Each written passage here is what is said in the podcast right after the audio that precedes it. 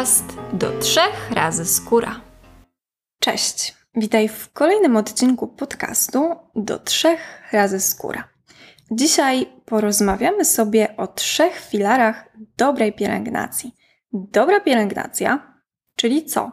Czyli jaka? Moim zdaniem taka, która służy skórze, gra z nią i odpowiada na jej potrzeby – ale jest też dobrana do naszych oczekiwań. Dlatego warto mieć jasno określone cele i też zastanowić się, czego oczekujemy.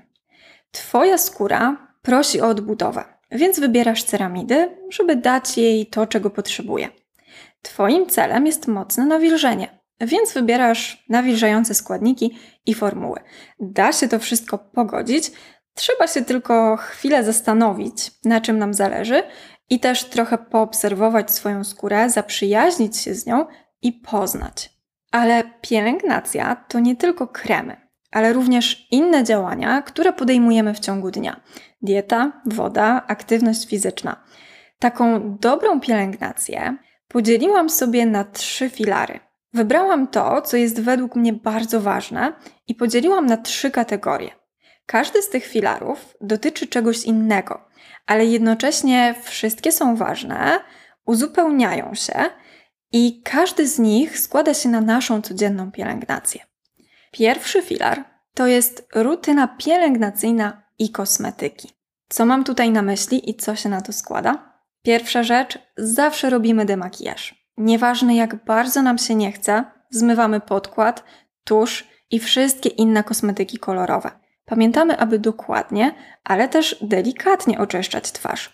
Unikajmy mocnych detergentów, nie szorujmy skóry, unikajmy szczoteczek, szorstkich ręczników, bo jest to nadmierny peeling naszej skóry. Pamiętaj, że twarz jest delikatna i nie chcesz naruszać jej naturalnej bariery. Oczyszczanie nie ma zostawiać po sobie uczucia dyskomfortu, czyli na przykład ściągnięcia, wysuszenia czy zaczerwienienia. Jeśli mamy filtr lub makijaż, to oczyszczamy twarz dwuetapowo. Cały odcinek poświęcony oczyszczaniu dwuetapowemu to 81. Więc jeśli Cię interesuje, to zachęcam, żebyś zerknęła. Dzisiaj już nie będę tego rozkładać na czynniki pierwsze. Demakijaż i oczyszczanie jest ważne, bo w ciągu dnia na naszej skórze zbiera się sebum, zanieczyszczenia środowiska i nieprawidłowe oczyszczanie skóry lub jego brak często powoduje niedoskonałości, zeskórniki, zatkane pory czy też nadprodukcję sebum. Ale może być odwrotnie, czyli może się pojawić na przykład suchość, podrażnienia i zaczerwienienia. Poza tym, kiedy dobrze oczyścimy naszą skórę, to ona pięknie przyjmie kolejne kroki pielęgnacyjne, czyli wszystko to, co dobre z serum, czy na przykład kremów, które używasz. Dbamy o nawilżenie. Każda cera, każda skóra potrzebuje nawilżenia. Nawet ta, która mocno się wyświeca i jest tłusta. Jeśli pojawiają się jakieś choroby skóry i inne przypadłości, które niepokoją, to od razu sprawdzamy, co się dzieje i konsultujemy to ze specjalistą. Jeśli jesteś ciekawa, jak przygotować się do wizyty u dermatologa, to zachęcam Cię do przesłuchania mojego poprzedniego odcinka. Spróbujmy zaprzyjaźnić się ze skin minimalizmem i pomyślmy, zróbmy sobie taki rachunek sumienia. Czy 10 kroków codziennej rutyny jest rzeczywiście dla nas i czy pasuje naszej skórze? Jeśli jest ok, jesteś zadowolona, masz na to czas i Twoja skóra też się cieszy na te 10 kroków, to zostawiam temat, możesz zapomnieć. Ale jeśli gdzieś się wahasz, to zachęcam, żeby się nad tym zastanowić. Kolejna ważna rzecz to kosmetyki wprowadzamy pojedynczo, aby sprawdzić, co działa i jak. Jeden nowy kosmetyk, a nie trzy naraz. Jeśli coś nas na przykład uczuli, to będziemy wiedziały co, bo użyłyśmy jednego kosmetyku i możemy prześledzić skład. A jeśli użyjemy naraz trzy, cztery albo jeszcze więcej, to będzie to bardzo trudno prześledzić. Wprowadzając substancje aktywne, nowe dla naszej skóry lub takie, które zaczynamy używać po dłuższej przerwie, zaczynamy od niskich stężeń i nakładamy je stopniowo. Na przykład wybierasz bogate serum, to nakładaj je na początek raz w tygodniu, pozwól się swojej skórze zapoznać z tymi składnikami, tak aby mogła się do nich przygotować i żebyśmy też nie bombardowały jej zbyt dużą ilością i składników aktywnych, ale też właśnie stężeń. Drugi filar to dieta i styl życia. I tutaj jestem chyba trochę monotematyczna, bo kto słucha regularnie podcastu, ten wie, że holistyczne działanie jest dla mnie kluczowe przy pielęgnacji skóry. Dlatego ten filar jest nieodłącznym elementem dzisiejszego odcinka. Dieta, wysypianie się, ilość wody, warzyw, błonnika, sportu czy poziom stresu wszystko to ma znaczenie. Sport jest istotny w pielęgnacji, bo wzmacnia, chroni przed stresem oksydacyjnym, poprawia krążenie, więc transportuje nam wszędzie tlen i składniki odżywcze, ale też wzmacnia mięśnie, a wzmocnione i napięte mięśnie to też napięta skóra. Warto wyjść do lasu, dotlenić się i przy okazji uciec choć na chwilę od zanieczyszczeń powietrza, które też negatywnie oddziaływują na naszą skórę. Zaburzają jej równowagę, powodują wytwarzanie wolnych rodników, ale też upośledzają barierę ochronną skóry i obniżają ilość przeciwutleniaczy w niej. Nasza skóra staje się sucha, może swędzieć, wydaje się szara, bez energii i takiego naturalnego glow. Dobrze jest obserwować siebie i swoją skórę i zastanowić się, co jej służy, a co nie. Może warto znaleźć sposób, żeby się wyciszyć, bo na przykład stres nas totalnie wykańcza. Może lepiej organizować czas, żeby się wysypiać, bo okazuje się, że śpimy za mało i to też źle na nas działa. A może trzeba sprawdzić, czy ta wysypka, która się u ciebie pojawiła, nie jest przypadkiem wynikiem tego, że nie służy ci nabiał. Więc zachęcam, żeby obserwować właśnie swój styl życia i jak przekłada się to na naszą skórę. Można wesprzeć też skórę innymi dodatkowymi działaniami, np. masażem twarzy, jogą twarzy czy szczotkowaniem na sucho.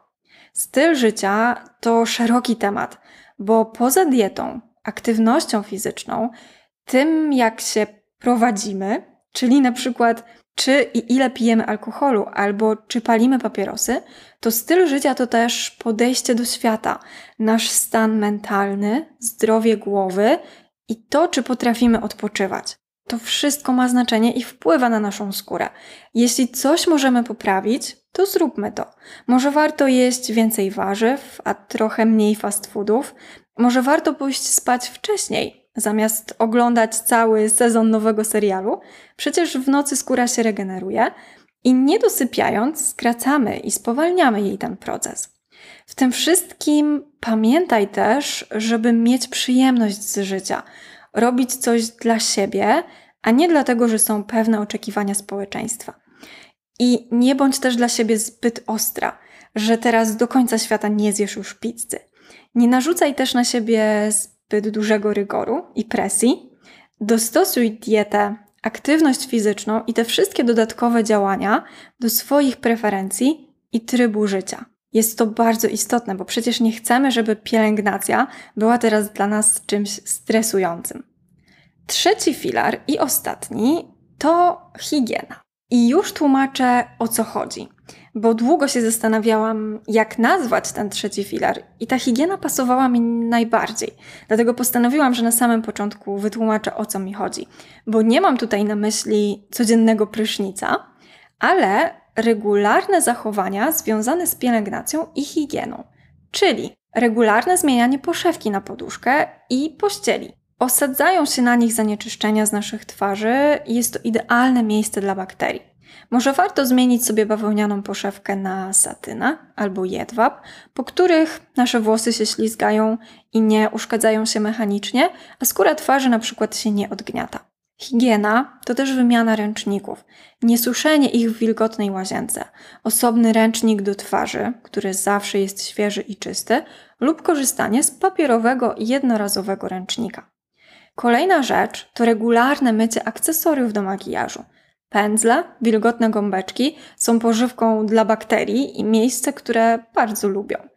I też regularnie myjemy przyrządy, których używamy na przykład do masażu, czyli rolery, płytki, głasza. Tylko my używamy swoich osobistych rzeczy i kosmetyków, czyli nie dzielimy się z koleżanką błyszczykiem, gdy malujemy się jego aplikatorem i wkładamy go z powrotem do opakowania, Czy nie wymieniamy się szczotką do włosów i grzebieniem? Polecam też nie malować się testerami w drogeriach i perfumeriach, szczególnie szminkami i tuszami do rzęs. Można nabawić się wielu nieprzyjemnych chorób. Sprawdzamy datę ważności kosmetyków i przechowujemy je w warunkach, jakie rekomenduje producent. Wydaje się, że to jest błahe, ale też jest ważne i też uważam, że należy do higieny. Staramy się powstrzymać przed wyciskaniem zmian i drapaniem ich. Jest to sposób przenoszenia bakterii po całej twarzy, ale też uszkadzamy sobie wtedy na skórek, co może skutkować powstawaniem przebarwień i blizn. Dezynfekujemy i regularnie czyścimy swój telefon. Jest on bardzo często przy naszej twarzy. Jeśli dzwonimy, dużo rozmawiamy przez telefon, nie korzystając z głośno mówiącego czy słuchawek, to mamy przyklejony telefon cały czas do swojego policzka. Więc ważne jest, żeby pamiętać o tym, aby go zdezynfekować i regularnie wyczyścić.